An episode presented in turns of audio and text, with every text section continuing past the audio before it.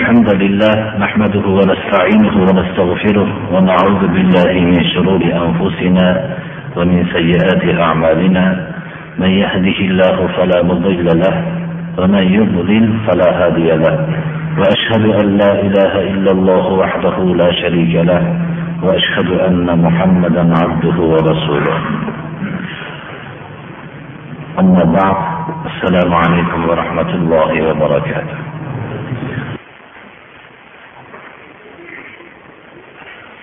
Subhanahu va taologa hamdlar bo'lsinki inshaalloh mana darsimizni yana boshlashlikni alloh nasib qildi. Bugungi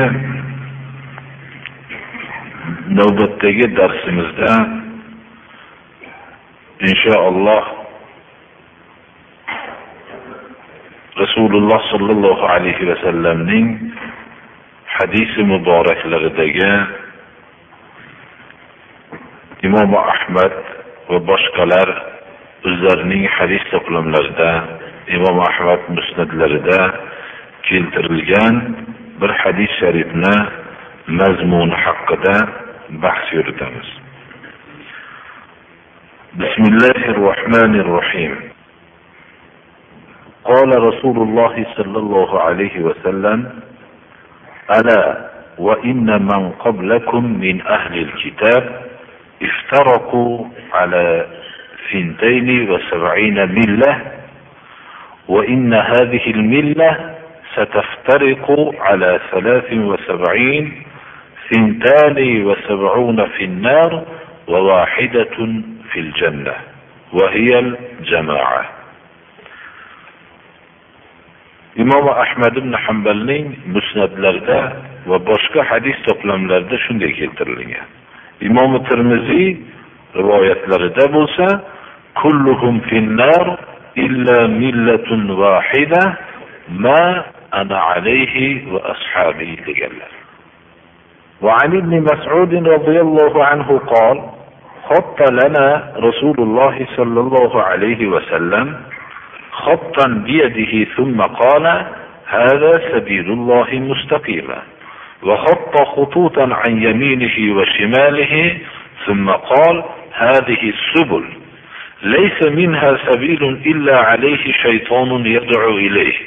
ثم قرأ قوله تعالى أستعيذ بالله وأن هذا صراطي مستقيما فاتبعوه ولا تتبعوا السبل فتفرق بكم عن سبيله ذلكم وصاكم به لعلكم تتقون. Ahmad ibn hambal musnatlarda rivoyat qilganlar va imom nasoiy o'zlarining sunanlarida hadis to'plamlarida keltirganlar. Payg'ambarimiz sollallohu alayhi vasallam payg'ambar bo'lganlarida butun millat tarqoq holatda yashardi. Hamma xalqlar turli fikrlar bilan yashardi. Aksarlari qavmiya ya'ni millatchilik fikrida yashashardi millatchilik bu johiliyat alomatlaridan. Hozirgi vaqtda ham xalqlarning aksarlari millatchilik ruhida yashashadi. Ya'ni o'zbek qirg'iz tojik qozoq turkman va hokazo boshqa millatchilik ruhida yashashadi. Islom kelgan vaqtda ham ana shu millatchilik ya'ni johiliyat ruhi har bir odamlarga hukmron bo'lgan edi. Xullas bundan boshqa fikrlar ham ko'p edi. Islom keldida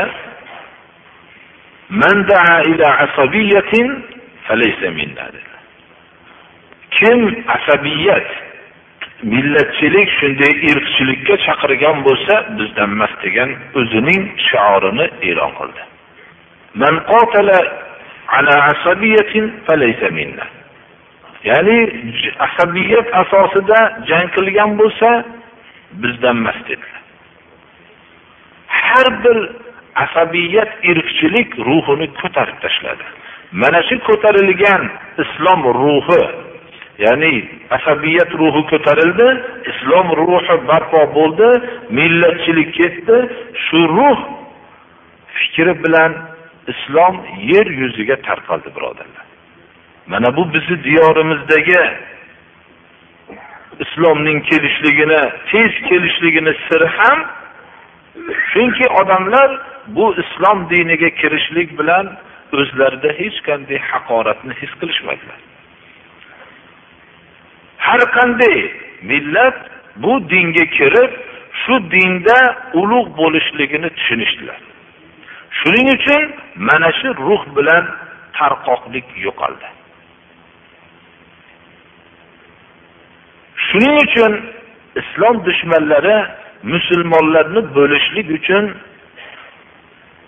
islom birinchi kelgan vaqtda yo'qotgan narsasini olib kirishlik bilan maqsadlarga erishishdi bu qavmiya millatchilik ruhi edi. Mana shu millatchilik ruhini olib kirdi. Shu millatchilik ruhi bilan odamlar agarchi o'zlari musulmon bo'lishsalar ham boshqa millatlardan musulmon bo'lgan millatlar bilan ajralib yashashlik paydo bo'ldi. Rasululloh sollallohu alayhi vasallam olib kelgan islom yo'li bilan hamma bir butun kishiga aylandi. Bizga odamlar aytmasinki musulmonlarning hozirgi vaqtdagi tarqoqligini ko'rib musulmonlar birlashmaydigan millat deb bizga aytmasin bizga. Buni musulmonman degan kishilar ham bu so'zni dushmanlar tarafidan uyushtirilgan bu so'zni takror qilib yurishmasin. Chunki bu xalqlarni birlashtirgan islom. Xalqlarni ajratgan haqiqiy islomning xalqdan ko'tarilganligi xolos.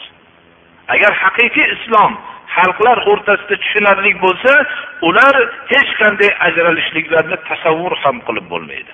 Mana bu hadisda payg'ambarimiz sollallohu alayhi vasallam aytgan vaqtlarda musulmonlarning tarqalishligi musulmonlarning esidan chiqib ketgan edi.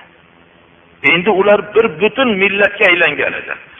Shunda ogohlantirdilar ala dedilar.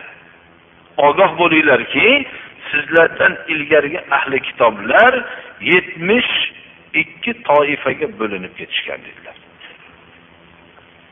Ular bir butun edi shu so'z aytilgan vaqtda.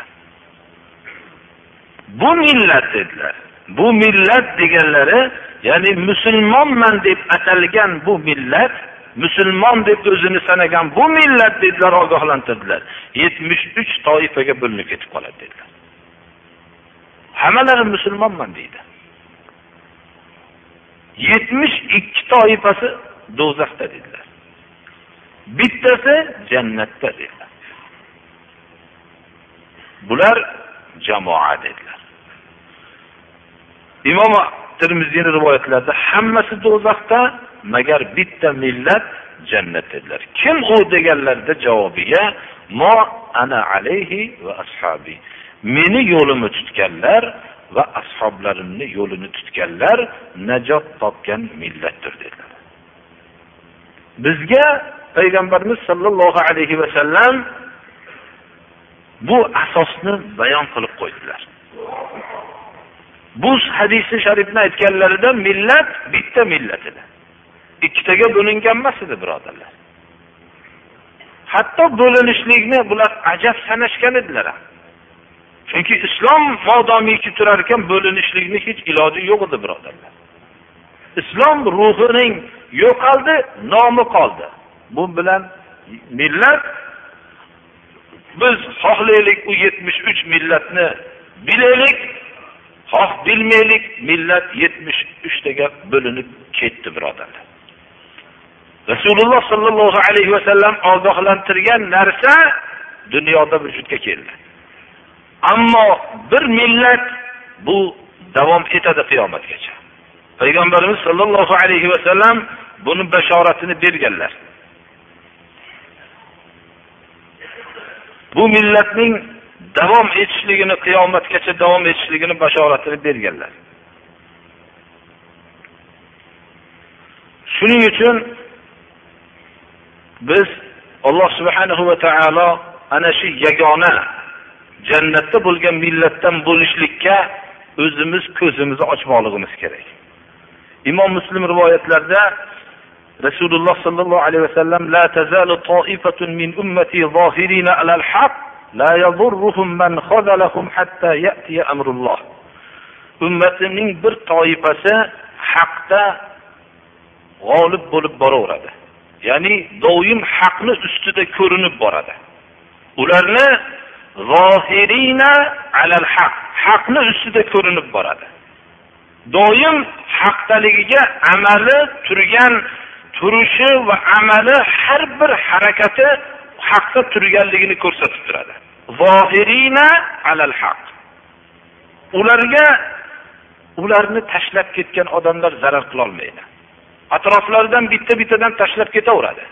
Chunki u haqda turganlik bilan yonida turishlik har kimga nasib bo'lmaydi birodarlar.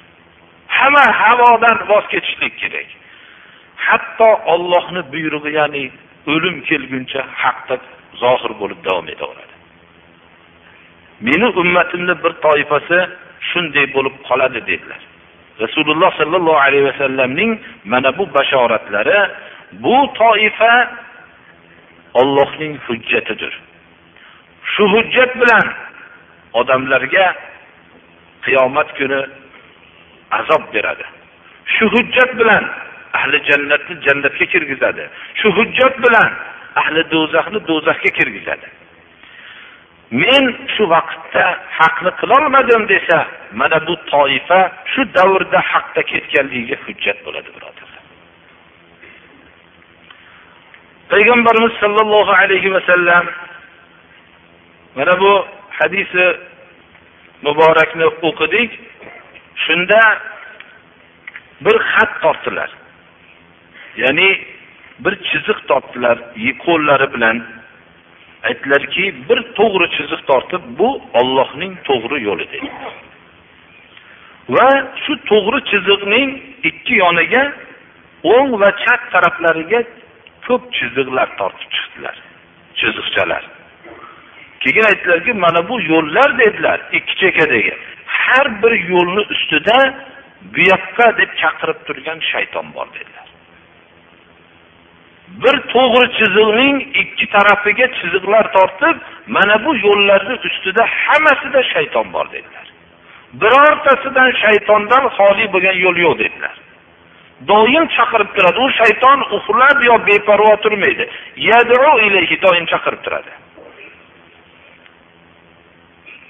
Ya'ni ollohni to'g'ri yo'li uning atrofidan chiqqan yo'llar hammasi shaytonni yo'li dedilar. Va keyin shu oyatni o'qidilar. Bu meni yo'lim to'g'ri bo'lgan holatdagi yo'lim deng. Ergashinglar bu yo'lga. Boshqa ko'p yo'llarga ergashib ketmanglar. Sizlarni bu yo'l ollohni yo'lidan ajratib yuboradi. Bunga alloh subhanahu va taolo vasiyat qilgan yo'ldir. Sizlarda taqvo sifati hosil bo'lishligi uchun degan mazmundagi oyatni o'qidilar. Shuning uchun biz shuni bilaylikki najot topuvchi jamoa haqida ba'zi bir so'zlarni alomatlarni bilmoqligimiz kerak. Men shu o'rinda odamlar ko'plari nomlarini zikr qilib bu kishiga tamomiy islomga zid bo'lgan narsalarni tuhmat bilan nisbatlab yurgan va u kishi tavhidga chaqirgan bo'lsalar bu kishini o'ziga yoyinki bu kishini tuhmat bilan aytilingan so'zlarga sig'inib yurgan kishining so'zini keltirishlikni munosibroq deb bilaman. Abdul qodir jiloniy abdul qodir jiloniy hayotida yakka ollohga ibodat qilishlikka tavhidga chaqirgan zotdir. Bu kishining mashhur kitoblari g'uniya degan kitoblari bor. Abdul qodir jiloniy bizning diyorlarimizda g'avsul azam deb nomi chiqqan. Abdul qodir jiloniy yagona ollohga chaqirgan zot. Odamlarni shirkdan man qilgan mana shu zot firqai nojiya haqida nima deganlar?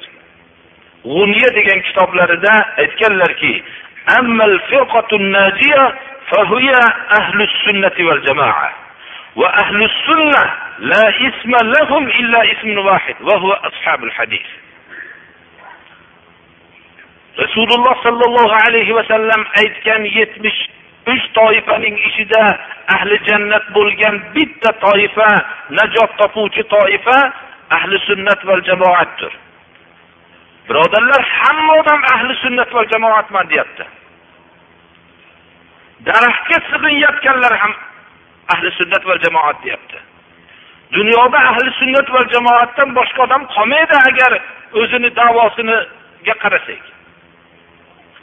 Mana bu olloh rozi bo'lsinki abdul qodir jiloniydan shunday hamma ahli sunnat va jamoatman deb davo qilib qolishligini olloh bildirganligi bilan bilim mana bu so'zni aytyaptilarki va ahli sunna ahli sunnat kim? Ahli sunnat va jamoat kim? Ularning bitta nomidan boshqa nomi yo'q degan ekanlar. Ular ashabul hadis hadisga amal qilgan zotlar degan ekanlar. Mana bu ahli sunnat va jamoat rasululloh sollallohu alayhi vasallamdan bir hadis sahih hadis rivoyat qilinganda bu hadisni olib hamma ra'yidan hamma odamning fikridan voz kechib mana shu hadisga amal qilgan kishilar najot topuvchi kishilar ekan deb abdul qodir jiloniy aytganlar.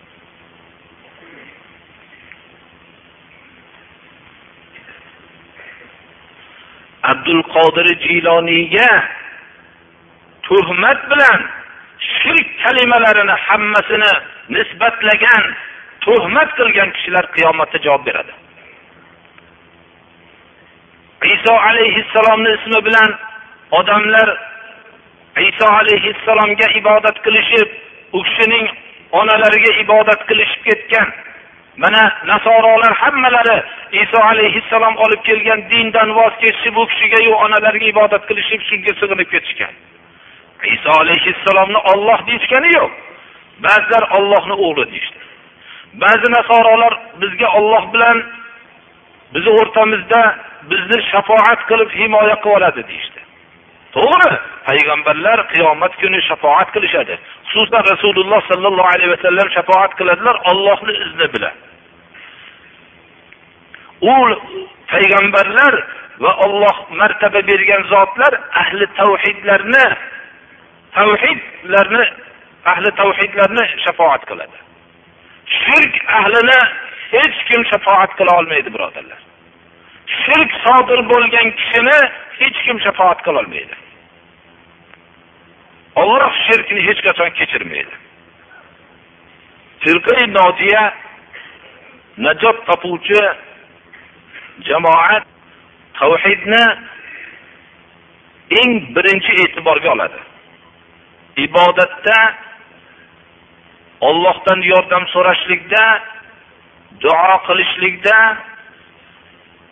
xoh qattiqchilik xoh yumshoqlik vaqtlarida biror qurbonlik qilishlikda nazr qilishlikda tavakkul qilishlikda bularda alloh subhanahu va taoloni yakka o'ziga ibodat qiladi. Ya'ni ollohgagina ibodat qiladi ollohdangina yordam so'raydi ollohgagina duo qiladi ollohgagina qurbonlik qiladi ollohgagina nazr qiladi ollohgagina tavakkul qiladi va olloh tushirgan hukm bilan hukm qiladi. Ibodat ma'nolarining hammasini yakka ollohni o'ziga qiladi. Mana bu najot topuvchi jamoaning belgilarini ba'zisidir. Najot topuvchi jamoa birodarlar rasululloh sollallohu alayhi vasallamning sunnatlarini ihyo qilishadi. Ibodatlarida va o'zlarining suluk o'zlarining yo'nalishlarida hayotlarida va shu sunnatlarni ihyo qilishlik bilan odamlar o'rtasida g'arib bo'lib qolishadi ularni g'arib bo'lib qolganliklari o'zlarining haqiqiy sunnatni ihyo qilayotgan vaqtlarida ular masxaralarga duchor bo'lishadi إن الإسلام بدأ غريبا وسيعود غريبا كما بدأ فتوبى للغرباء إمام مسلم رواية بعض رواية فتوبى للغرباء الذين يصلحون إذا فسد الناس islom g'arib bo'lib boshlangan islom kelgan vaqtda hamma odam kuldi nahotki shu yakka ollohga ibodat qilishlikka bizni chaqirib kelsa shuni qabul qilsak alohida ular shamolga xudo qilishib olgan edi daraxtlarga xudo yomg'irga xudo qorga xudo alohida yerga xudo osmonga xudo xohlagan narsasilarni bittadan ilohlar qilishib olgan edi shamol bo'lib qolsa shamol xudosiga sig'inishardi yomg'ir bo'lib qolsa qattiq yog'sa yomg'ir xudosidan panoh so'rashardi. Har bir johiliyat mana bunday narsani doim o'zining mavsumlari o'ziga xos bir amallari bor edi. G'arib bo'lib boshlandi. Islom tavhidni olib kelganda g'arib bo'ldi. Va g'ariblikka qaytadi dedilar rasululloh sollallohu alayhi vasallam. Hozir ham yagona ollohga ibodat qilishlikka da'vat qilinadigan bo'lsa inson g'arib bo'lib qoladi. Nahotki sen bilib shu butun xalqlar bilmasa deydi. Nahotki shunchalik hamma hukmni boshqarayotganlar hammasi bilmasdan nahotki sen bir yosh sen bilsang deydi. G'arib bo'ladi. G'arib kim? Rasululloh sollallohu alayhi vasallamning sunnatlarini ihyo qilgan kishi bid'at ahllarining ichida.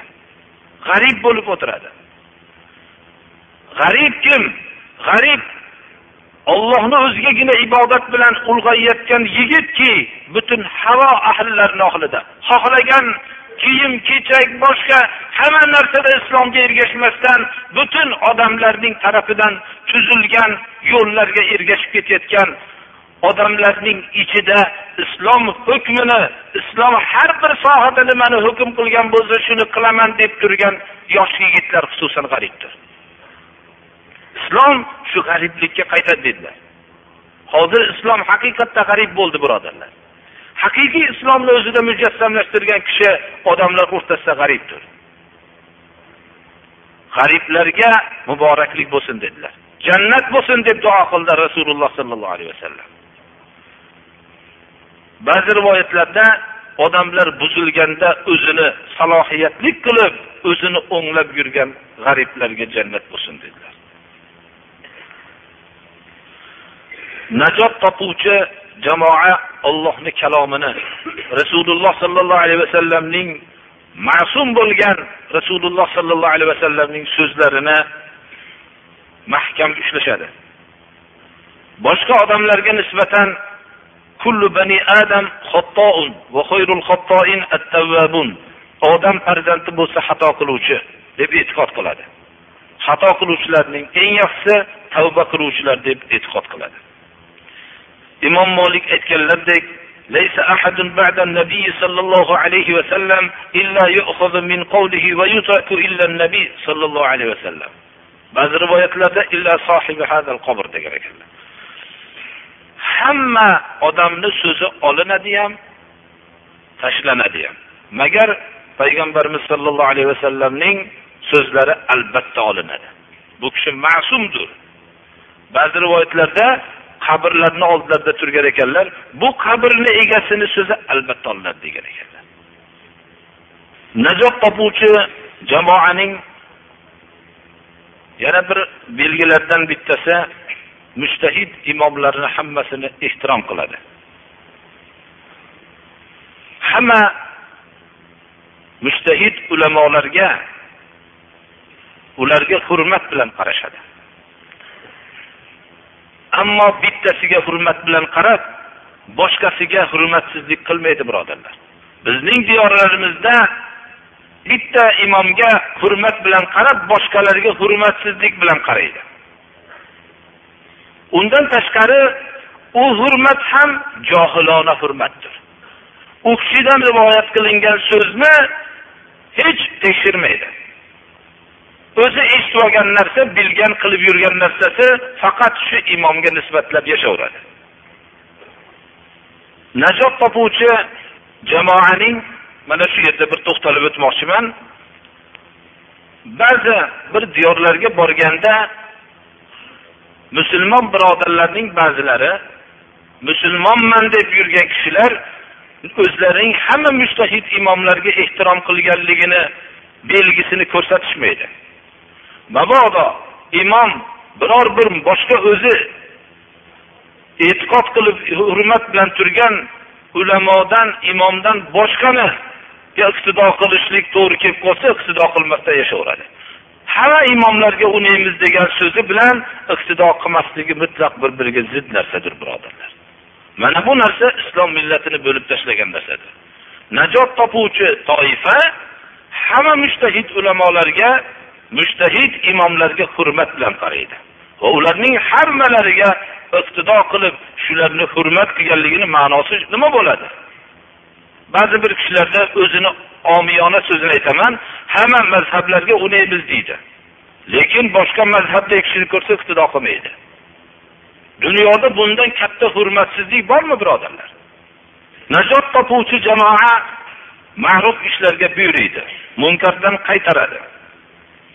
Bid'at yo'llarini inkor qiladi va millatning bo'lib tashlaydigan tashkil topayotgan jamoalarni inkor qiladi.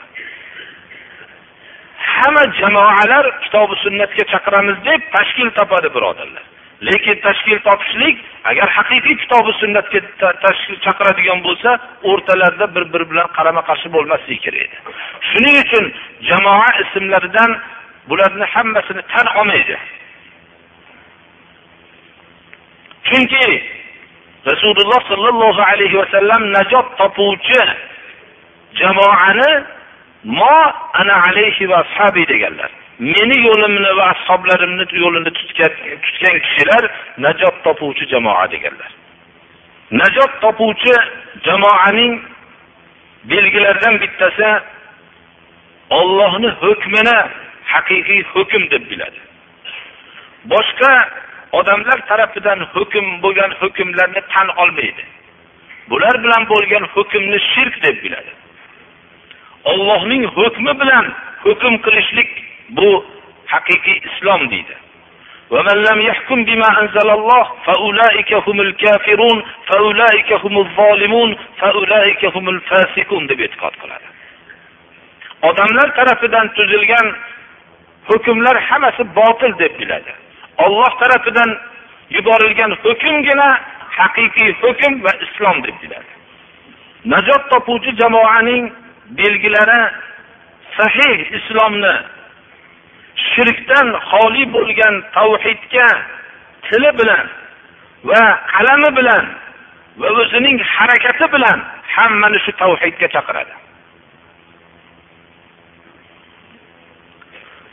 Rasululloh sollallohu alayhi vasallamning xabar berganlar musulmonlar o'rtasida sodir bo'lishligini لا تقوم الساعة حتى تلحق قبائل من أمتي بالمشركين وحتى تعبد قبائل من أمتي الأوثان qiyomat ummatimdan bo'lgan bir necha qabilalar mushriklarga qo'shilib ketguncha qoyim bo'lmaydi dedilar ya'ni ummatimni ko'p qabilalari mushriklarga qo'shilib ketadi va ummatimdan ko'p qabilalar alson butlarga sig'inib ketadi dedilar.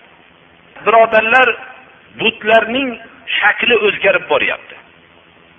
Avvaldagi butlar johiliyat davridagi butlar ham solih kishilarning ramzlari edi. U ollohni inkor qilgan shaxslarning ramzi emas edi. Johiliyatdagi mana vad suvo yag'us yauq nasr bular hammasi nuh alayhissalomning davrida alloh subhanahu va taolo najot bergan kemada salomat qolgan solih kishilarning ramzi edi. Mana bu ramzlarni qilishib shularga ibodat qilib ketishgan edi. Ya'ni posiq odamlar emas edi. Bizning davrimizga kela boshlab butlarning shakli o'zgarib bormoqda birodarlar. Butlarning shakli har xil bo'ladi. Ba'zi kishilar butlar deb buloqlarga sig'insa daraxtlarga sig'insa oftobga sig'insa boshqaga sig'insa ba'zi vaqtda dinsiz odamlarning mutlaqo ollohni inkor qilgan dinsiz shakllarga sig'ingan bo'lsa endi bo'lsa va boshqa bir shakllarni balki solih o'tgan kishilarning shakllariga ham sig'inib ketyapti. Biz bularni hammasini bir safga qo'yib hammasini but deymiz. Rasululloh sollallohu alayhi vasallam xabar berganlarki ummatimni bir necha qabilalari shu butlarga ibodat qilib ketib qoladi dedilar. Mana bu narsalarni shirk ekanligini bayon qiladi najot topuvchi jamoa. Ya'ni najot topuvchi jamoa ularni ko'p odamlar dushman tutadi birodarlar. Ularga bo'xtonlar qiladi. Ularni har xil laqablar nomlar bilan nomlashadi. Najot topuvchi jamoa najot topuvchi jamoaga rasuliga va ashoblarga ergashganligi sababli rasululloh sollallohu alayhi vasallamga nisbatlangan bo'xtonlar ularga ham ashoblarga bo'xtonlangan nomlar bularga ham boradi. Payg'ambarimiz sollallohu alayhi vasallamni majnun deyishardi jinni deyishardi. Shu abu kabshani o'g'liga ergashamizmi deyishardi abu kabsha rasululloh sollallohu alayhi vasallam tarbiya topgan xonadondagi kishining nomi edi. Va payg'ambarimiz sollallohu alayhi vasallamni sobi ya'ni ota onasini yo'lidan voz kechgan deyishardi aynigan deyishardi abu hamidil g'azzoliy aytadilarki bir odamning nomi xalq o'rtasida aynigan majnun deb chiqmasa e'tiborga olmaydigan ekanlar.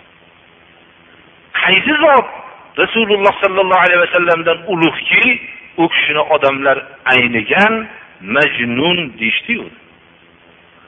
Agar haqiqiy ollohni bandasi bo'lib haqiqiy islomni hayotiga tadbiq qilsa mana shu nomni hayotida oladi degan ekan.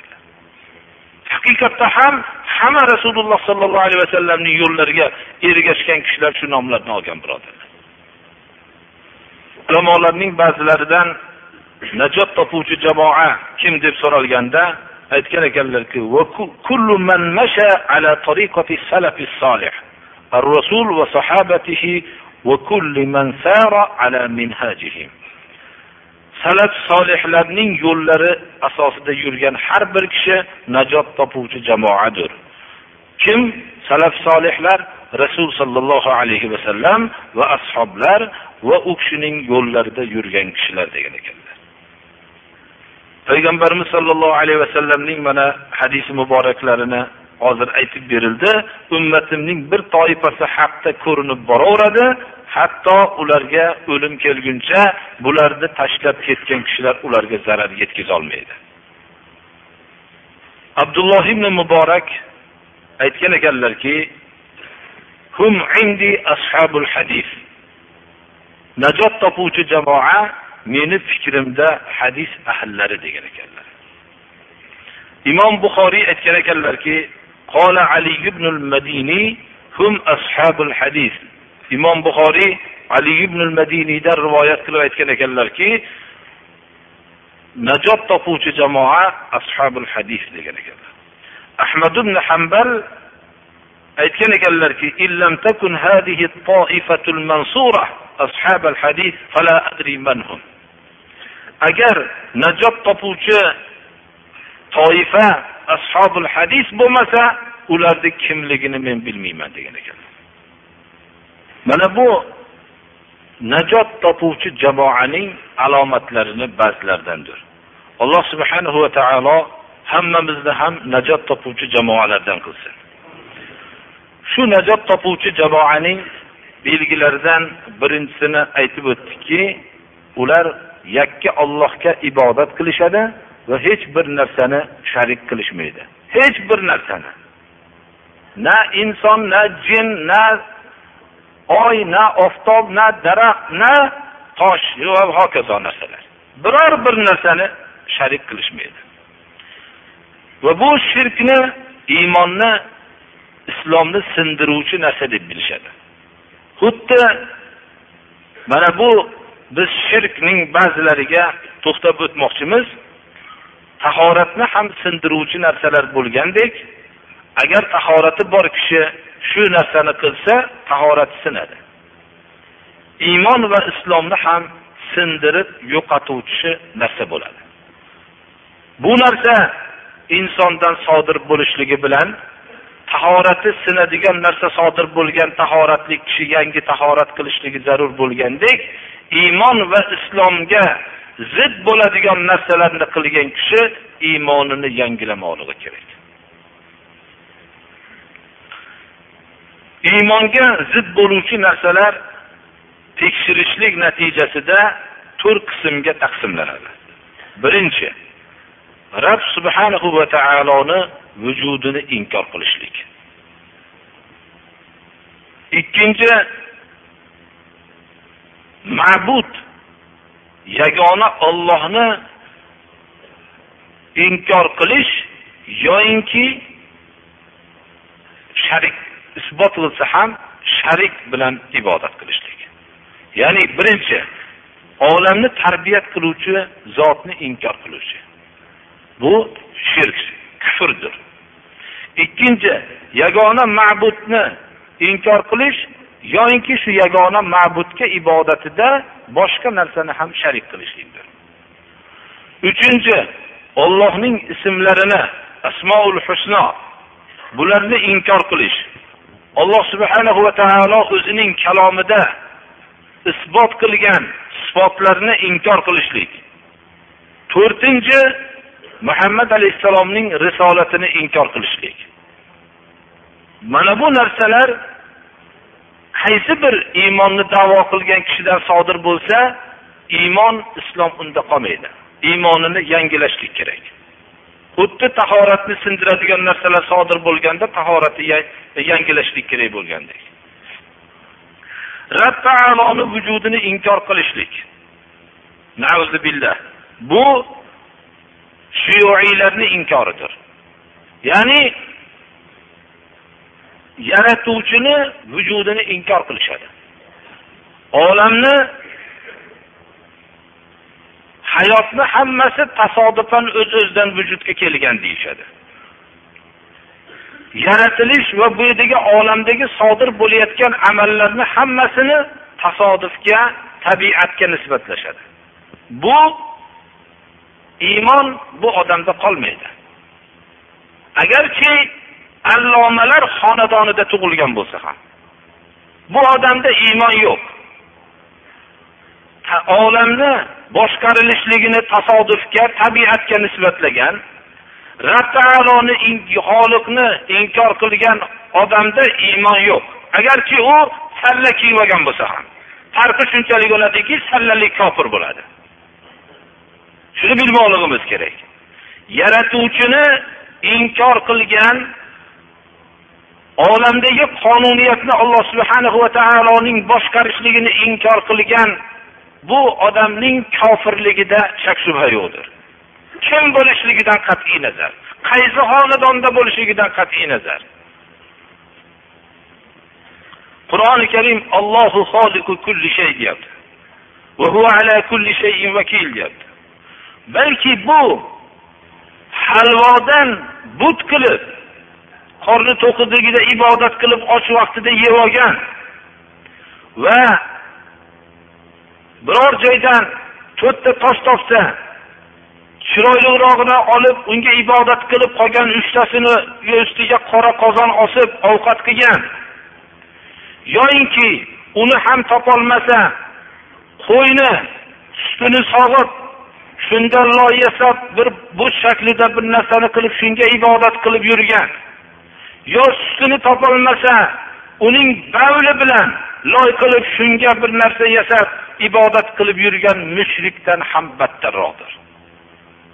Chunki bu mushrik olamni kim tarbiya qiladi desa olloh deb javob beradi. Olloh koinoti yerni kim yaratgan desa olloh derdi. Koinoti yerni kim boshqaryapti desa olloh derdi. Mana shu mushrikdan shu johil mushrikdan ham battarroqdir. Shunchalik agar uning unvoni katta ilmiy unvoni bo'lsa farq shuki aqlli kofir deb ataladi. Shu farq shu. Butun aqlini jaholatga sarf qilgan. Chunki u mushriklardan koinoti yerni odamlarni kim yaratgan deb so'rasangiz olloh deb javob bergan ular. Ular sig'ingan narsalarni o'zlari bilan olloh o'rtasida vosita deb bilishgan. Shuning uchun mushrik bo'lishganlar. Balki bu shaytondan ham battaroqdir. chunki shayton o'zini olloh yaratganligini tan olgan. Ana minhu min narin va min tin. Men odamdan afzalman dedi. Chunki meni dedi rob taologa. Rob taoloni borligini isbot qilgan u aytganki meni o'tdan yaratding u odamni loydan yaratding. O'tdan yaratilinganligim uchun afzalman dedi. Ya'ni yaratilganligini tan oldi. Bu birinchi qism alhamdulillahi robbil alamin iymonni davo qilib yurgan kishilarda kam topiladi. Ya'ni bu bizni xalqimizda juda kam topiladi bu. Lekin ikkinchi qism yagona ma'budni inkor qilish. Yoyinki yagona ma'budga ham ibodat qilib boshqa narsani sharik qilishlik. Mana bu narsa bizning islom millati deb atalgan xalqlar mubtalo bo'lgan narsadir. Bu yerda boshqa narsani sharik qilgan kishilar turlidir ba'zilar oftobga ibodat qiladi. Ba'zilar oyga ibodat qiladi.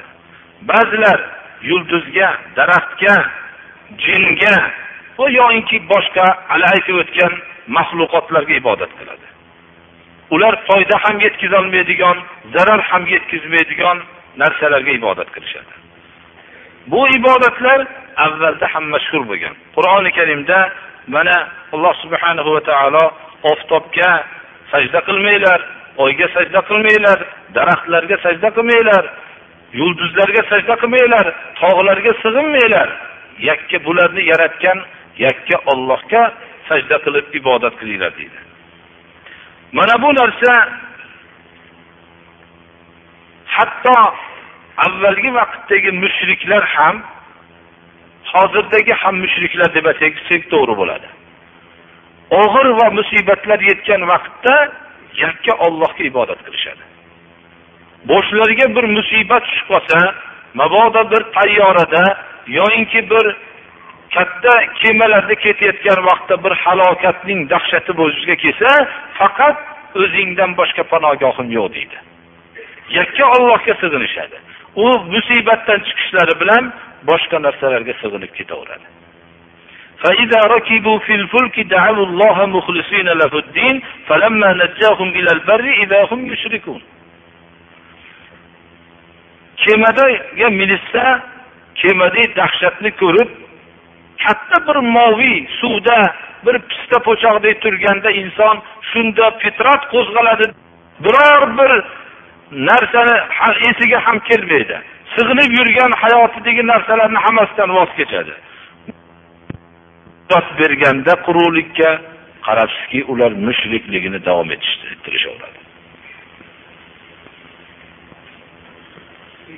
Bu qiyinchilik vaqtidagi yagona ollohga sig'inishlik bilan insonlar mo'mini komil bo'lisha olmaydilar. Modomiki ular yumshoqlik vaqtida ham yakka ollohga sig'inishlikni o'zlarida vujudga keltirishmasa. Ba'zi bir kishilarga shirk haqida bayon qilinsa biz buni olloh deb sig'inmaymiz. Buni yaratuvchi deb sig'inmaymiz. O'zimiz bilan ollohni o'rtasida yaqin qiladi deb sig'inamiz deyishadi. Shuning uchun mushrik deymiz biz deb javob qilamiz ularga.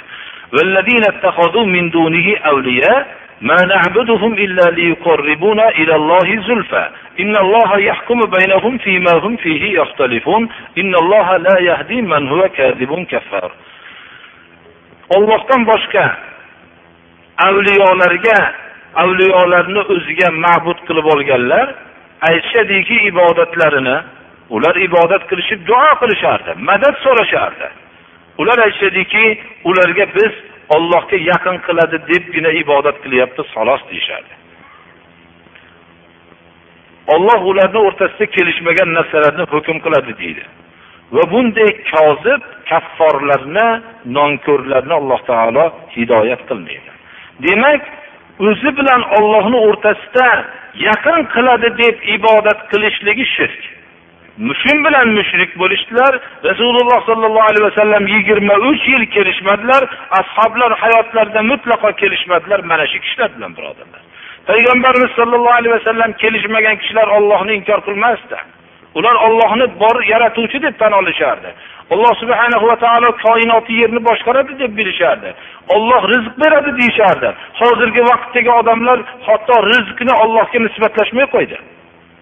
U mushriklar olloh rizq beradi deyishardi olloh o'ldiradi olloh tiriltiradi deyishardi mana shunday lekin o'zlari bilan ollohni o'rtasida vosita qilganliklari uchun mushrik bo'lishdi va shu shirkdan bilan kelishmadilar va shu bilan payg'ambarimiz sollallohu alayhi vasallam jihod qildilar shunda o'lgan kishilar shahid bo'lishdilar o'ldirgan kishilar g'oziy bo'lishdilar yigirma uch yil kelishmagan masalalar shu shirk bo'ldi. O'tgan payg'ambarlar ham butun qavmlarni yagona ma'budga sig'inishlikka da'vat qildi. Biz mana shuni yaxshi anglamoqligimiz kerak. Subhanahu va taoloning duo qilishlik ibodat. Shu duoni boshqaga qilishlik ibodatni boshqaga qilishlikdir. Imom termiziy rivoyatlarida hadis sharifda hukm ibodatdir. Inil hukmu ta'budu dinul la ya'lamun. Hukm faqat Alloh subhanahu va taoloning o'ziga xosdir.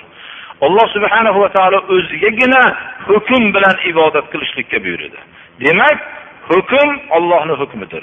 Boshqa odamlarning hukmi ya'ni tan olishlik bu narsa shirkdir agar shu bilan hukm qilsa bu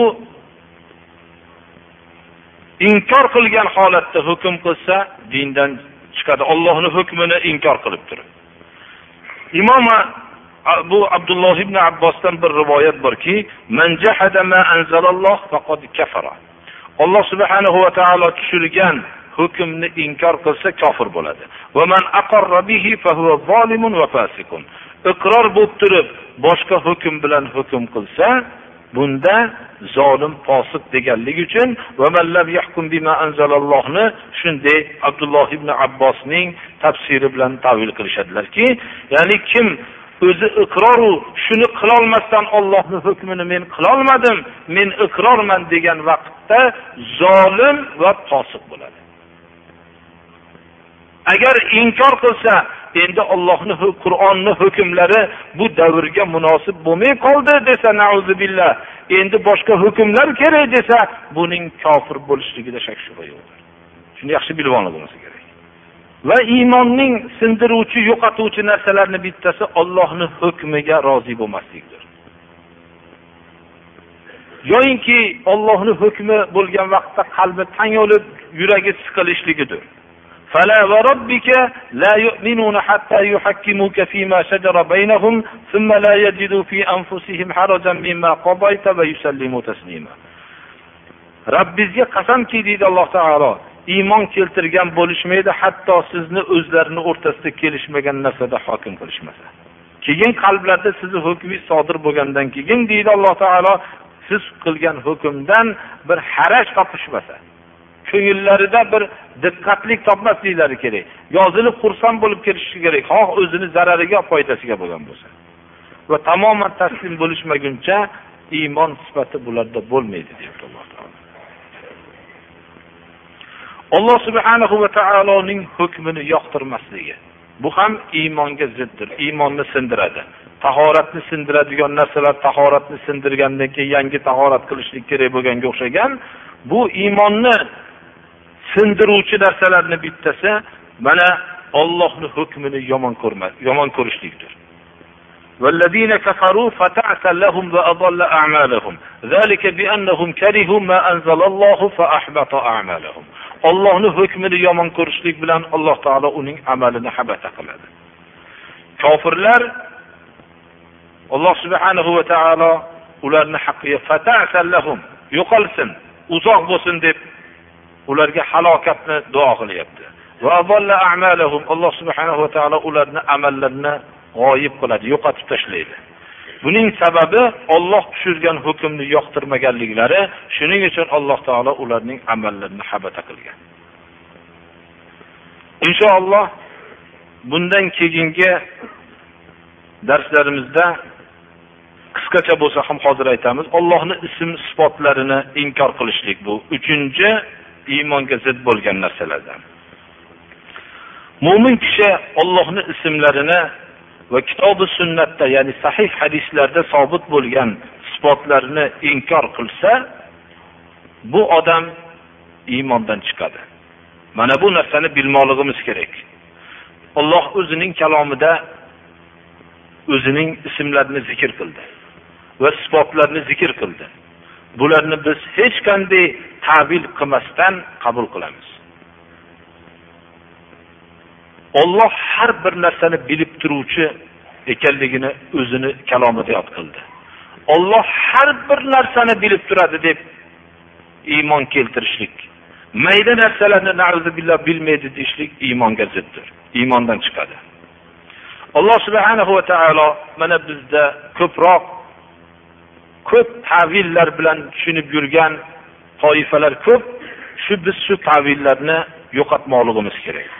Alloh subhanahu va taolo qodir ekanligini alloh subhanahu va taolo hayyun la yamut tirik ekanligi alloh subhanahu va taolo eshituvchi ekanligi va ko'ruvchi ekanligi alloh subhanahu va taolo mutakallim gapiruvchi kalom sifati rahmdil ekanligi va o'zining arshida oliy ekanligini istavo ala arshihi. Va hamda biz buni shularni hammasiga iymon keltiramiz. Alloh subhanahu va taoloning dunyo osmoniga kechaning uchinchi qismida nuzuli haqida tushishligi haqida iymon keltiramiz. Chunki bu hadislarda sobitdir. Alloh subhanahu va taologa yadullohi aydihim yad ya'ni qo'l isbot qilinganligi va soq soq kalimasi ya'ni soq bizni tilimizda ya'ni boldir deb aytamiz va hamda boshqa isbotlariki bularni hammasini isbot qilamiz lekin u biz bilgan a'zo deb bilmaymiz kayfiyatini qandayligini bilmaymiz u kayfiyat bizga qorong'i bilmaymiz deymizda lekin sam eshituvchi sifatini inkor qilamiz o'zining ulug'vorligiga loyiq sifat bilan eshitadi o'zining ulug'vorligiga loyiq sifat bilan gapiradi o'zining ulug'vorligiga loyiq bo'lgan sifat bilan ko'radi. Yad qo'lni isbot qilamiz soq bu kalimalarni isbot qilamiz lekin bularni biz tavil qilmaymiz. Ollohdan boshqa tavilini biladigan yo'q deb bilamiz. Mana bu narsalarga olloh o'zining kalomida rasululloh sollallohu alayhi vasallamning sahih hadislarida sobit bo'lgan sifatlarni ismlarni hammasini isbot qilamiz. Birontasini inkor qilmaymiz. Agar birontasini inkor qilsa iymonga ziddir birodarlar. Mana bu narsalarni biz mukammal bilmoqligimiz kerak. Lekin bularning kayfiyatini biz bilmaymiz. Qanday kayfiyatda? Alloh taolo har bir narsani bilib turuvchi qanday kayfiyatda biladi biz buni bilmaymiz. Tavil qilmaymiz ham. Alloh subhanahu va taolo ba'zi xususiy sifatlarga xos bo'ldi. Bunda hech bir maxluqotini sharik qilmadi. G'ayb masalasida. Alloh subhanahu va taoloning huzuridagina g'ayb xazinalari. Ollohdan boshqa bilmaydi. G'aybni hech kim bilmaydi. Xususan beshta g'aybni hech kim bilmaydi. Ba'zi g'ayblarni o'zining rasuliga bildiradi. Rasul kalimasi birodarlar olloh tarafidan kitob nozil qilingan payg'ambardir. Nabiy bilan rasulning farqida mana nabiy alloh subhanahu va taolo tarafidan kitob tushmagan. Rasul olloh tarafidan kitob suhuf bular tushgan. Mana bu faqat rasulgina olloh o'zi bildirgan ba'zi g'ayiblarni biladi deymiz. Bunga hujjat alimul g'oybi fala yuzhiru ala g'oybihi ahadan illa man irtado min rasulin fa innahu yasluku min bayni yadayhi va min xalfihi rasada. Alloh subhanahu va taolo g'aybni biluvchi g'aybiga hech kimni g'aybini g'aybiga g'olib qilib ko'rsatmaydi g'aybini. Magar o'zi tanlagan rasuligagina ko'rsatadi. E'tiqodimiz shu g'aybni hech kim bilmaydi hech qaysi inson bilmaydi. Magar Alloh bildirgan rasullargina ma'lum bir g'ayblarni bildiradi. Ammo beshta g'aybiyki hammamizga ma'lum aytib o'tganmiz mana qiyomat kuni qachon bo'lishligi va g'ayb yomg'irni tushiradi. Yomg'irni yog'dirish yog'ish vaqtini. Qorinlardagi nima bolani. Mana bu narsa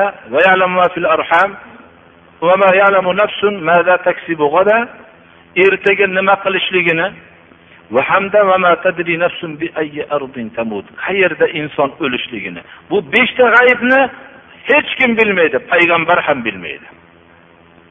Alloh subhanahu va taolo o'zigagina xos bo'lgan ilmdir. Mana bu g'aybni besh g'aybni olloh subhanahu va taolo o'ziga xos deb bilamiz. Bunda hech kim sharik emas deymiz. Ba'zi boshqa g'ayblarga o'zining rasulini ko'rsatadi. Rasulidan boshqa hech kimga g'aybni ko'rsatmaydi. Bu nafsdir birodarlar. Agar birorta bir kishi faloncha avliyo g'aybni biladi desa shu vaqtda dindan chiqadi birodarlar. Mana bu narsani biz mukammal bilmoqligimiz kerakdir bu birodarlar ollohni so'zi rasululloh sollallohu alayhi vasallamning so'zidir. Hamma narsani olloh rasuliga ba'zi bir g'ayblarni bildiradi. Bildirgan soatda shuni biladi. Buni bilishligi bilan boshqa g'ayiblarni biladi deb e'tiqod qilishlik xatodir. Rasululloh sollallohu alayhi vasallamning men shu yerda bir voqeani misol qilib keltiraman. Ashobi ikromlar o'rtasida bo'lgan voqeani agarchi juda bir og'ir bo'lgan ularga bu voqea shuni men misol qilib aytaman. Kishilar bizni ajdodimiz bunday bo'lgan ekanlar. Hatto ajdodlarni tiriklarini bilishligidan tashqari qabrlarda ham hamma narsani bilib turadi deb davo qilishadi. Bular hammasi shirkdir birodarlar. Rasululloh sollallohu alayhi vasallamga olloh ba'zi g'ayblarni bildirdi. Bildirgan soatda bildirmagan soatda inson bo'lib yashadilar. Rasululloh sollallohu alayhi vasallamning eng suyumli oilalari oysha siddiqa onamizga bo'xton bo'ldi. Satvon muattal degan fidoiy sahobaniga nisbatlab bo'xton bo'ldi. Bu bu birodarlar bu holatni bir ko'z oldingizga keltirsangiz eng suygan odam rasululloh sollallohu alayhi vasallamni satvon ibn muattal nihoyatda yaxshi ko'rardilar. Boshqa sahobalar qatori. Sopon ibn muattalni payg'ambarimiz sollallohu alayhi vasallam amin omonatli kishi deb lashkarning orqasida yurdirardilarki tushib qolgan narsalarni bu kishi olib yurib yetkazib kelardilar. Omonatli bo'lganliklari uchun. Odamlar munofiqlar oysha siddiqa onamiz shu yerda o'zlarining taqinchoqlarini marvaridlarini yo'qotib qo'yganlik sababli uzoq joyga tahoratga borganliklari sababli yo'qotib qo'ydilar. Va shuni istashlik bilan ovora bo'lib qoldilarda u kishi solingan havdaj hijob bilan o'ralgan edi. Shu havdajni ko'tarilib tuyani ustiga solib qo'yildi. Ot ko'tarib olib borgan kishilar havdajni ichida oysha siddiq onamiz bor edi. Rivoyat qilinadiki u vaqtdagi ayollar unaqa badanlari nihoyatda yo'g'onmas edi. Chunki ular payg'ambarimiz sollallohu alayhi vasallamning xususan xonadonlarida bir oylar o'tib ketardi tutun yoqilmagan holatda. Yo oysha siddiqa nima yerdinglar deganlarda asladan dedilar xurmo bilan suv dedilar. Shunda havda kelsalar hech kim yo'q. Shunda payg'ambarimiz sollallohu alayhi vasallam albatta meni yo'qligim bilib odam jo'natadilar deb o'rinlaridan qimirlamasdan turdilar. Safoni muakkal odatda keldilarda kelib ko'rdilarki bir ayol kishini qorasini ko'rdilar. Darrov tuyani o'tkazdilarda tuyaga minishlikka gapirmadilar. Biror bir kalima gapirmasdan tuyani yetalab kirib keldilar.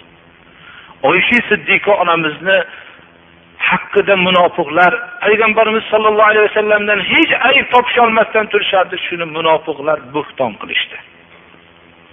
Shu bo'xtonga butun payg'ambarlarning sayyidi bu kishi hayron bo'lib qoldilar.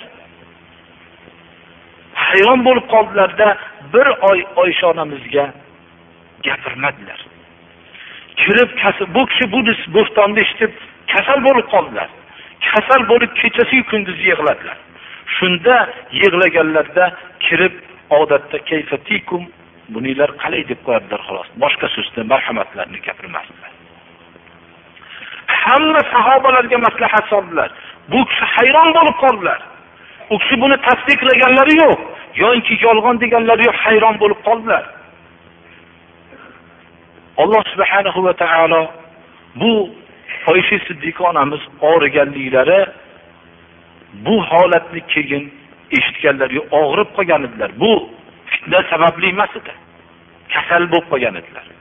Shunda payg'ambarimiz sollallohu alayhi vasallamdan oldin ko'rib yurgan marhamatni ko'rmaganlardan keyin ota onalarni oldilariga borib kelishlikka ruxsat so'radilar. Ruxsat bilan bordilar. Shunda ummu mistah degan ayol bu kishiga xabar berdiki hayron bo'ldilarda shu voqeani eshitganlaridan keyin tamomiy vujudlari titrab kechasi kunduzi yig'ladilar. Rasululloh sollallohu alayhi vasallam oilalar bilan ajrashmoqchi bo'ldilar. Ana shu vaqtda maslahat qila boshladilar ba'zilarda. Ali ibn abi tolibga maslahat qildilar. Oyshadan boshqa ayollar ko'p yo rasululloh dedilar. Lekin eng omonatli kishilarni maslahat soldilar aytdilarki yo rasululloh bunday pok ahliz bu sizni ahliz bunday xonadonda tarbiya topgan ahliz dedilar. Payg'ambarimiz sollallohu alayhi vasallam olloh tarafidan vahiyni kutardilar. Shunda oysha siddiqa onamiz oldilariga kirdilar. Aytdilarki ey oysha dedilar agar bir gunoh ish sendan sodir bo'lgan bo'lsa Allohga tavba qil Alloh tavbangni qabul qiladi. Agar bu narsani gunoh ish qilmagan bo'lsangiz alloh subhanahu va taolo albatta sizni oqlaydi. Deganlarda rasululloh sollallohu alayhi vasallamda bu so'zni pok insonni eshitishligiga bardosh beradigan so'z emas edi. Ya'ni bir odam pok bo'lsa shu bir gunohni qilgan bo'lsang degan so'zni eshitishlik odam toqat qilolmasdi. Aytdilarki men bilan agar gunoh ish qildim desam tasdiqlaydigan bo'lib qolibsizlar gunoh ishni qilmadim desam tasdiqlamaydigan holatga bo'lib qolibsizlar meni ishim endi fasobrun jamil. Yaqub alayhissalom aytgandek yaxshi sabr meni ishim. Men hech kimga bu haqda so'z aytmayman dedilarda o'ranib teskari qarab yotib oldilar yig'laganlar. Shu vaqt rasululloh sollallohu alayhi vasallamga suray nurning oyati nozil bo'ldi.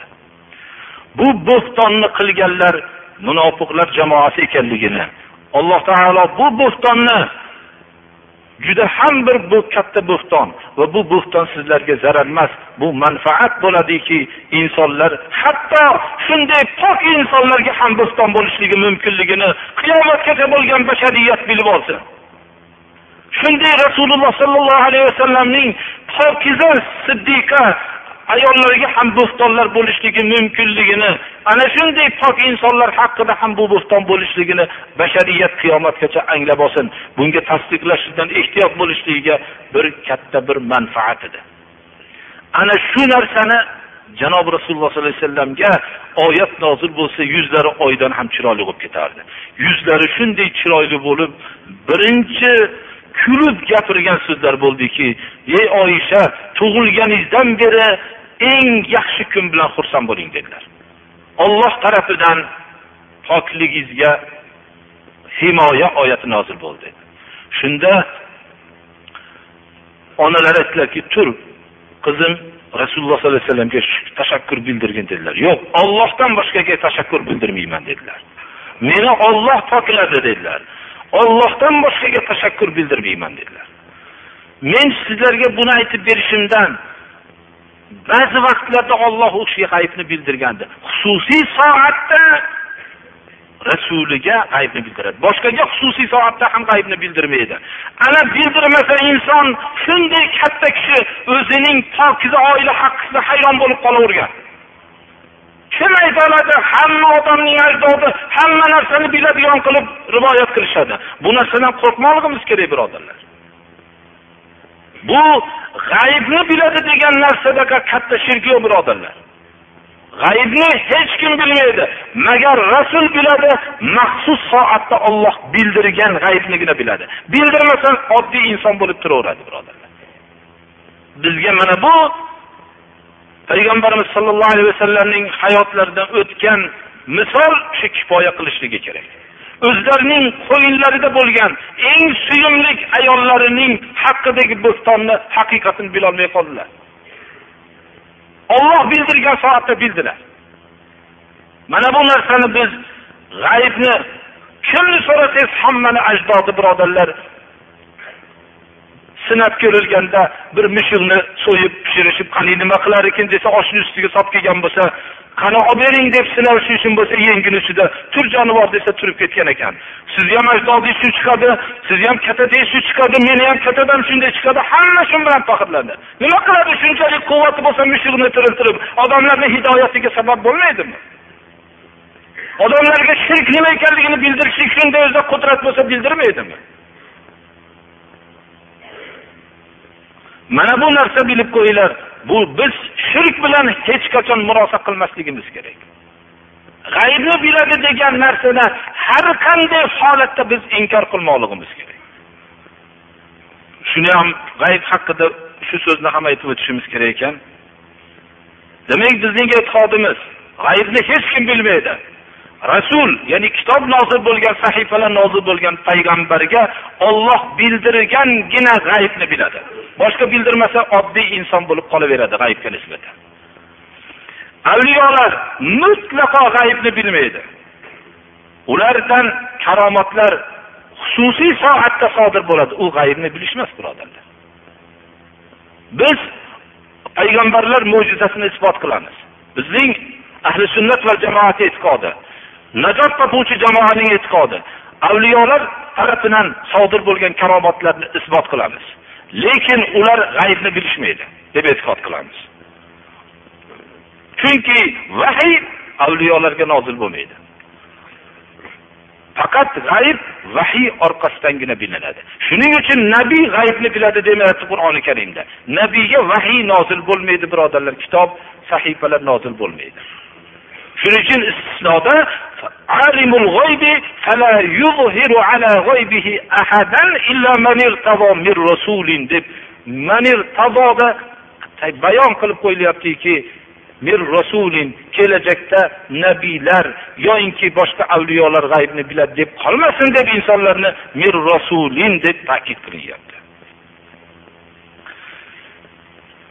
G'aybni bilishligini davo qilsa bilgan bildim desa shuni tasdiq qilsa iymonini yo'qotib shu odam.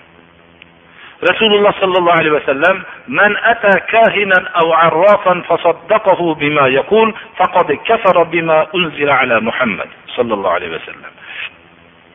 Kohin deb arab istilohida g'aybni bilishlikni davo qilgan odamni aytamiz kohin g'aybni biluvchi odamni oldiga kelsa arrof o'zini bilag'on deb atagan odamni oldiga kelsa va aytgan so'zini tasdiqlasa alloh subhanahu va taolo muhammad alayhissalomga tushirgan narsaga kofir bo'lib tushadi. Mana folbinlar dajjollar bular hammasidan sodir bo'layotgan narsa bular hammasi shayton vasvasalaridir. Bular hammasi shirk bularni tasdiqlash deb bilamiz. Agar bular g'aybni bilsa yerni ostidagi konlarni chiqarib berishsin. Ular g'aybni bilishadigan bo'lsa yahud nasoralarning islomga uyushtirayotgan tadbirlarni aytib berishsin. To'rtinchi qism iymonni sindiruvchi narsalardan rasululloh sollallohu alayhi vasallamning risolatini inkor qilishlikdir. Payg'ambarimiz sollallohu alayhi vasallamning risolatlarini isbotlash iymon asoslaridandir. Kim payg'ambarimiz sollallohu alayhi vasallamga tan yetkazsa u kishini sodiqligiga shubha qilsa u kishining omonatdorligini inkor qilsa u kishining pokligini inkor qilsa yo payg'ambarni so'ksa yoinki masxara qilsa yoinki yengil sanasa yoinki sahih hadislarini inkor qilsa yoinki mana ba'zi bir xabarlarni berganlar dajjolni ko'rinishi chiqishligi haqida. Bu narsalar qur'oni karimda hadisi muboraklarda sobit bo'lgan narsalarni mana xabarini berganlar shu xabarlarni inkor qilsa yo masxara qilsa iymoni yo'qoladi bu odamni. Hatto ba'zi ulamolar aytishgan ekanlarki rasululloh sollallohu alayhi vasallamdan sobit bo'lgan sahih hadisni masxara qilib qo'ysa iymondan chiqadi degan ekanlar. Misol qilib aytamiz ko'proq hozirgi vaqtda moddiy falsafada o'sgan kishilar ko'p bo'lgani uchun aqllariga suyanib yashagan ko'p odamlar bo'lganligi uchun o'zlarini mustahab qilmasdan turib pokiza sanagan odamlar ko'p bo'lganligi uchun o'zlari mustahab qilishmagan odamlar o'zlarini pok sanagan odamlar ko'p hozir. Ana shunday odamlarga zubob hadisini aytib keltirilsa zubob hadisi sahih hadislardan. Ya'ni pashsha bir ovqatga tushsa bir qanoti bilan tushsa ikkinchi qanotini ham tushirib botirib olib tashlanglar dedilar. Bir qanoti kasallik bo'lsa uning davosi ikkinchi qanoti ekanligi ishora qilib hadisni aytdilar.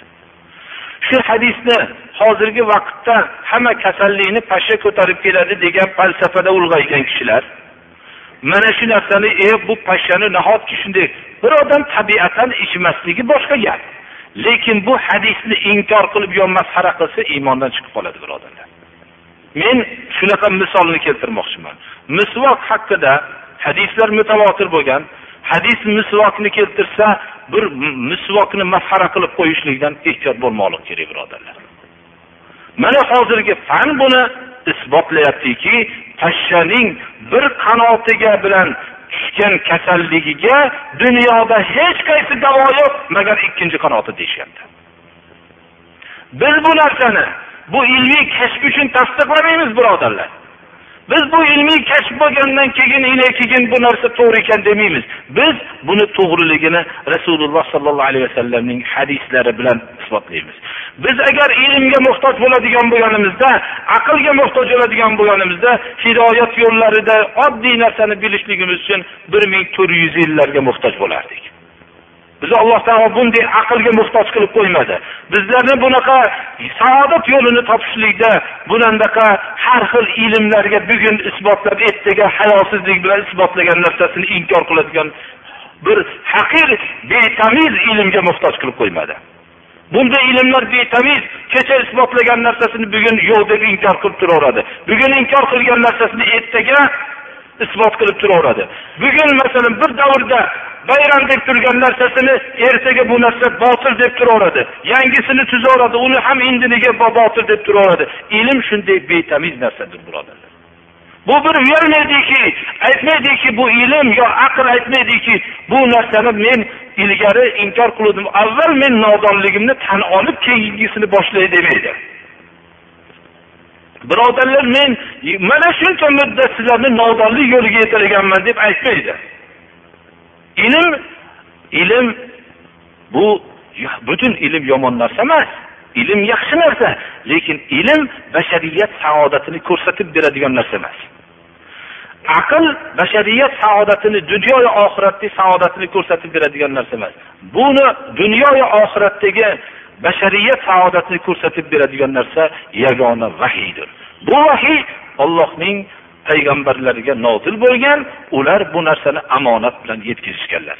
Mana bu narsa shuning uchun rasul sollallohu alayhi vasallam tarafidan sobit bo'lgan narsani inkor qilishlik bu iymondan chiqaradi. Payg'ambarimiz sollallohu alayhi vasallamni yana bir hadis muboraklarini shu yerda aytishim o'rinli deb bilaman. Bir kishi tika turib ichsa qayqib yuborsin dedilar. Suyuqlikni tika turib ichgan bo'lsa qayqib yuborsin dedilar. Ya'ni bu harom demadilar. Qayqib yuborsin chiqarib yuborsin dedilar. Bu so'zni daqiqligini qarang. Davrlar o'tishligi bilan fan shuni isbotladiki tika turib ichishlik natijasida ko'r ichak paydo bo'lar ekan. Chunki shu ko'r ichak tika turgan vaqtda suyuqlik bilan kelishligi bilan haligi ko'r ichak ochilib qolib suyuqlik shu tarafga yurib keyin ishib achish bu sasib yo'g'onlashib og'riq paydo bo'lib ko'r shuni kesib tashlashga muhtoj bo'linadi rasululloh sollallohu alayhi vasallam tika turib ichishlik harom demadilar. Demak harom emas ekan. Tika turib ichgan narsani qay qilib chiqarib yuborsinki bu zarar yetkazib qo'yadi. Shuning uchun bir odam tika turib ichishlik harom deyishga haqqi yo'q. Hech qanday harom emas. Lekin tika turib ichgan narsani qay qilib yuborsin deganlari shu narsa zarar qiladi. Buni bilishlik uchun bizni islomni ne'mati shuki bir ming uch yuz yashalishimiz kerak edi. Bir ming uch yuz yilgacha bir yigirmata avlod o'tib ketgandan keyin buni bilishlikka bizni muhtoj qilmadi. Rasululloh sollallohu alayhi vasallam oddiy so'z bilan kim tika turib ichsa qayqib yuborsin dedilar. Shuning uchun hadis sahih hadislarni inkor qilishlik nihoyat darajada bu yomon oqibatga olib kelishlikdan tashqari iymondan chiqarib qo'yadi. Chunki rasululloh sollallohu alayhi vasallamni omonatligini omonatdorliklarini inkor qilgan bo'ladi. Shu o'rinda mana hozirgi vaqtda masalan it boqishlik. Itni nihoyatda zararlari ko'p. Kim it o'ziga boqib uyda boqib shunday qilsa amali habata bo'ladi dedi. Ya'ni bu tashdid qo'rqitdilar kim bundan tashqari amali habata bo'ladi. Chunki itni boqqanlar odamni kasalliklarini mana hozir it boqarlar o'zi aytib beryapti.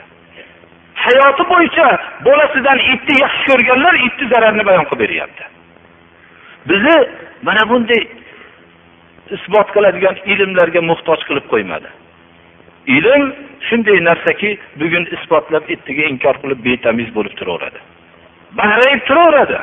Ey sen kecha inkor qiluvding bu narsani bugun isbot qilyapsan desangiz ilm shunday deb turaveradi ana shuning uchun bizga alloh subhanahu va taoloning marhamati shuki o'zgarmas manhaj jo'natdi biz bu islom manhaji bunda hech dovdiramaymiz bizni bugun yashayotgan avlod bilan kelajakdagi avlod bir xil saodat manhajini ushlab turaveradi shuning uchun alloh subhanahu va taolo rasulini jo'natganligini juda katta minnat qildi shu o'rinda doim misol qilib kelgan goho misol qilardim shuni misol qilib qo'yishlikni o'rinli deb bilaman. Payg'ambarlar olib kelgan ilmni agar bir tushuntirishlik uchun misol qilmoqchi bo'lsak dunyo xaritasiga o'xshatsak bir qisman bu dunyo xaritasini ro'baro'ga qo'yib qo'ysangiz dunyodagi eng chuqur okeanus o'n kilometr. Eng baland tog' bo'lsa sakkiz kilometrdan ortiqroq deb yozib qo'ygan. Sahrolarning maydoni shuncha. O'rmonlarning maydoni shuncha. Va hokazo bu yerda tillo koni bu yerda ko'mir koni bu yerda bu narsa bu yerda mis koni hamma narsani yozib qo'ygan. Dunyo xaritasi shunday bir yozib qo'ygan. Darrov siz shu eng chuqur okeanus albatta bu yerda o'n kilometr ekan deb darrov tan olsangiz ichiga tushishlik o'n kilometr chuqurlikka tayyorgarlik ko'rasiz. Mana bu narsani tayyorgarlik shunda o'zingizga himoya g'avvoslik ilmini o'rganasizda ichidagi marvatlarni terib chiqaverasiz. Mana bu narsaga bizni islom buyurdi. Uni tayyor ilm keldi. Endi payg'ambarlarni yo'lini inkor qilgan odamni misoli dunyo xaritasini oldiga olib kelib mana bu okeanusni chuqurligi o'n kilometrdan chuqurroq deyilsa yo men bu narsani inkor qilaman. O'zimni yonimda? Meni sizlarda bir metrli asbob bo'lsa menda besh metrli asbob bor. Shu bilan o'lchab tushmagunimcha bo'lmaydi. Hatto u buni kulgili holatini bilmaydiki besh metrli asbob u hech narsa emas ekanligini. Sizlarni qo'linglarda bir metrlik bo'lsa menda besh gazlik o'lchov bor deb shuga tushishlikka harakat qilsa u juda chuqur. Yana bir ixtiro bir g'avvoslik ilmini ixtiro qilib tushib o'lchab chiqish uchun harakat qilib mabodo o'lmasa umri bo'yi shunday mashaqqat bilan o'lchab chiqsa shu xaritaga yozilib qo'yilgan o'n kilometr chiqdi. Mabodo yashasa mabodo o'lmasa u hayot tamom. Endi marvarid terishga vaqt yo'q. Eskigina ming afsuslar bo'lsinki o'n butun umrimni shu tayyor xaritaga yozilgan narsani tekshirishlik uchun sarf qilibman buni o'rniga men agar shunga tan olganimda qancha marvaridlar egasi bo'lardim. Mana bu oltin koni bu yerni tagida oltin koni deb yozib qo'yilibdi. Shu oltin koni borligini tasdiqlaganimda shunga tayyorgarlik ko'rib oltinlarni olib chiqqan bo'lardim deb afsus yegan odamni misoliga o'xshaydi. Necha ming yillar o'tgandan keyin mast qiluvchi ichimlikni zararli gapirib turgan odam uni bu islom kishisining go'dak bolasi kichkina bolasi bilgan odam bilan barobardir. Balki undan qoloqroq. U butun umri bo'yi sarf qilib shuni mast qiluvchi ichimlikni zararini bilibdi xolos. Uni ichida buni zararini topishlikda diqqatchiligida tinmay ichib tekshirgan. Hayoti bo'yicha ichib tekshirgan. Ana bu narsani hayotini barbod qilgan islom ahlidaqa baxt saodatli odamlar yo'qdir birodarlar. Dunyo xaritasini misoli shu misoliga o'xshatsak tushunarliroq bo'ladiki shunday bizga islom bepul juda lo'nda sodda ilmni aytib qo'ya qoldi. Murakkab vaqtlarda biladigan ilmni oddiy qilib aytib qo'ydi. Biz bundan marvarid va oltinlarni terishlikka bizni buyurdi. U haqda bahs yuritishlikka qiyib bizga bizni ozod qildi. Mana bu najot topgan jamoa haqidagi so'zlarni izohlashlik uchun ba'zi so'zlarga muhtoj bo'lindi. Alloh subhanahu va taolo hammamizni najot topgan jamoadan qilsin. Hamma odamni najot topgan jamoadan deb davo qilib u jamoaga zid ishlarni qilib yuradigan odamlardan bo'lib qolishlikdan saqlasin. Hamma odam to'g'riman deydi birodarlar. Hamma odam haqni qilyapman deydi. Lekin u haqning o'lchoviga solmoqlik kerak. U kitobi sunnatdir. Kechasi turib o'g'rilik qilayotgan odam ham topgan moling harom desangiz nima uchun hamma shirin uyquda turganda men shirin uyqumni buzib topgan pulim harom bo'lar ekan deydi.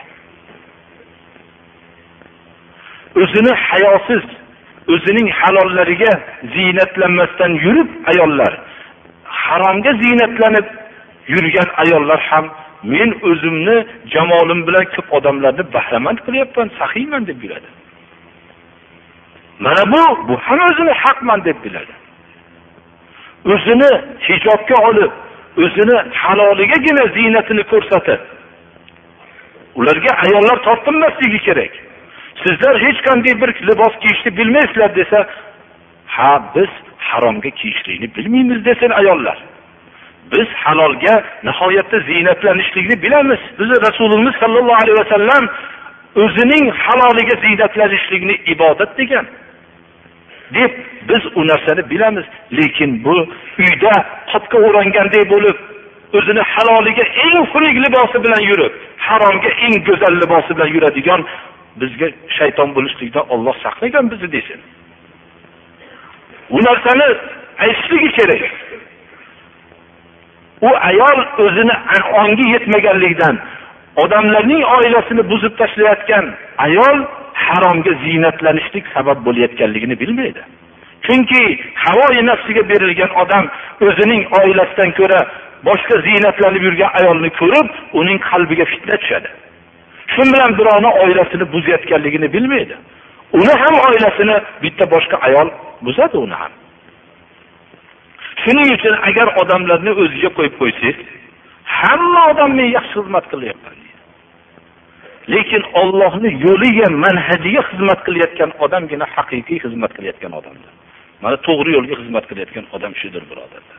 Alloh subhanahu va taolo najot topuvchi jamoalardan qilgan bo'lsin. Alloh subhanahu va taolo shu darsimizni davom etishligini alloh nasib qilsin. Alloh subhanahu va taolo gunohlarimizni mag'firat qilsin. Alloh taolo ibodatlarimizni qabul qilsin. Rasululloh sollallohu alayhi vasallamning sunnatlarini ihyo qilishlikni hammamizga nasib qilsin. Ho'p o'qitdilarki namozdan keyin salovat aytishlik degan galim. Biz salovatni shunday aytamizki ma'lum bir vaqti yo'q birodarlar. Salovatni doim payg'ambarimiz sollallohu alayhi vasallam men aytganman yana shunga beparvosizlar qachon rasululloh deyishlar sollallohu alayhi vasallam deb hamma tomondan ovoz chiqib ketishi kerak? Janob rasululloh sollallohu alayhi vasallamni nomlari zikr qilinganda salovat aytmagan odam o'ziga zulm qiladi. Shuning uchun doim salovat aytishlik nomlari eshitilganda bo'lishligi kerak. Va ma'lum bir vaqti boriki juma kunida salovatni ko'p aytishlikni payg'ambarimiz sollallohu alayhi vasallam buyurganlar. Biz shuni bilamiz. Boshqa vaqtni biz tayin qilmaymiz. Magar payg'ambarimiz sollallohu alayhi vasallam tayin qilgan vaqtnigina tayin qilamiz. U kishi juma kunlarida ko'p salovat aytishlikni nima qilganlar? Bizga yo'llanma berganlar va shu nomlari zikr qilinganda va xohlagan vaqtimizda salovat aytishlikni imom husayn janob rasululloh sollallohu alayhi vasallamning qabrlarini oldilarida salovat aytib o'tirib ko'p o'tirgan kishini ko'rdilarda voy palonchi dedilar.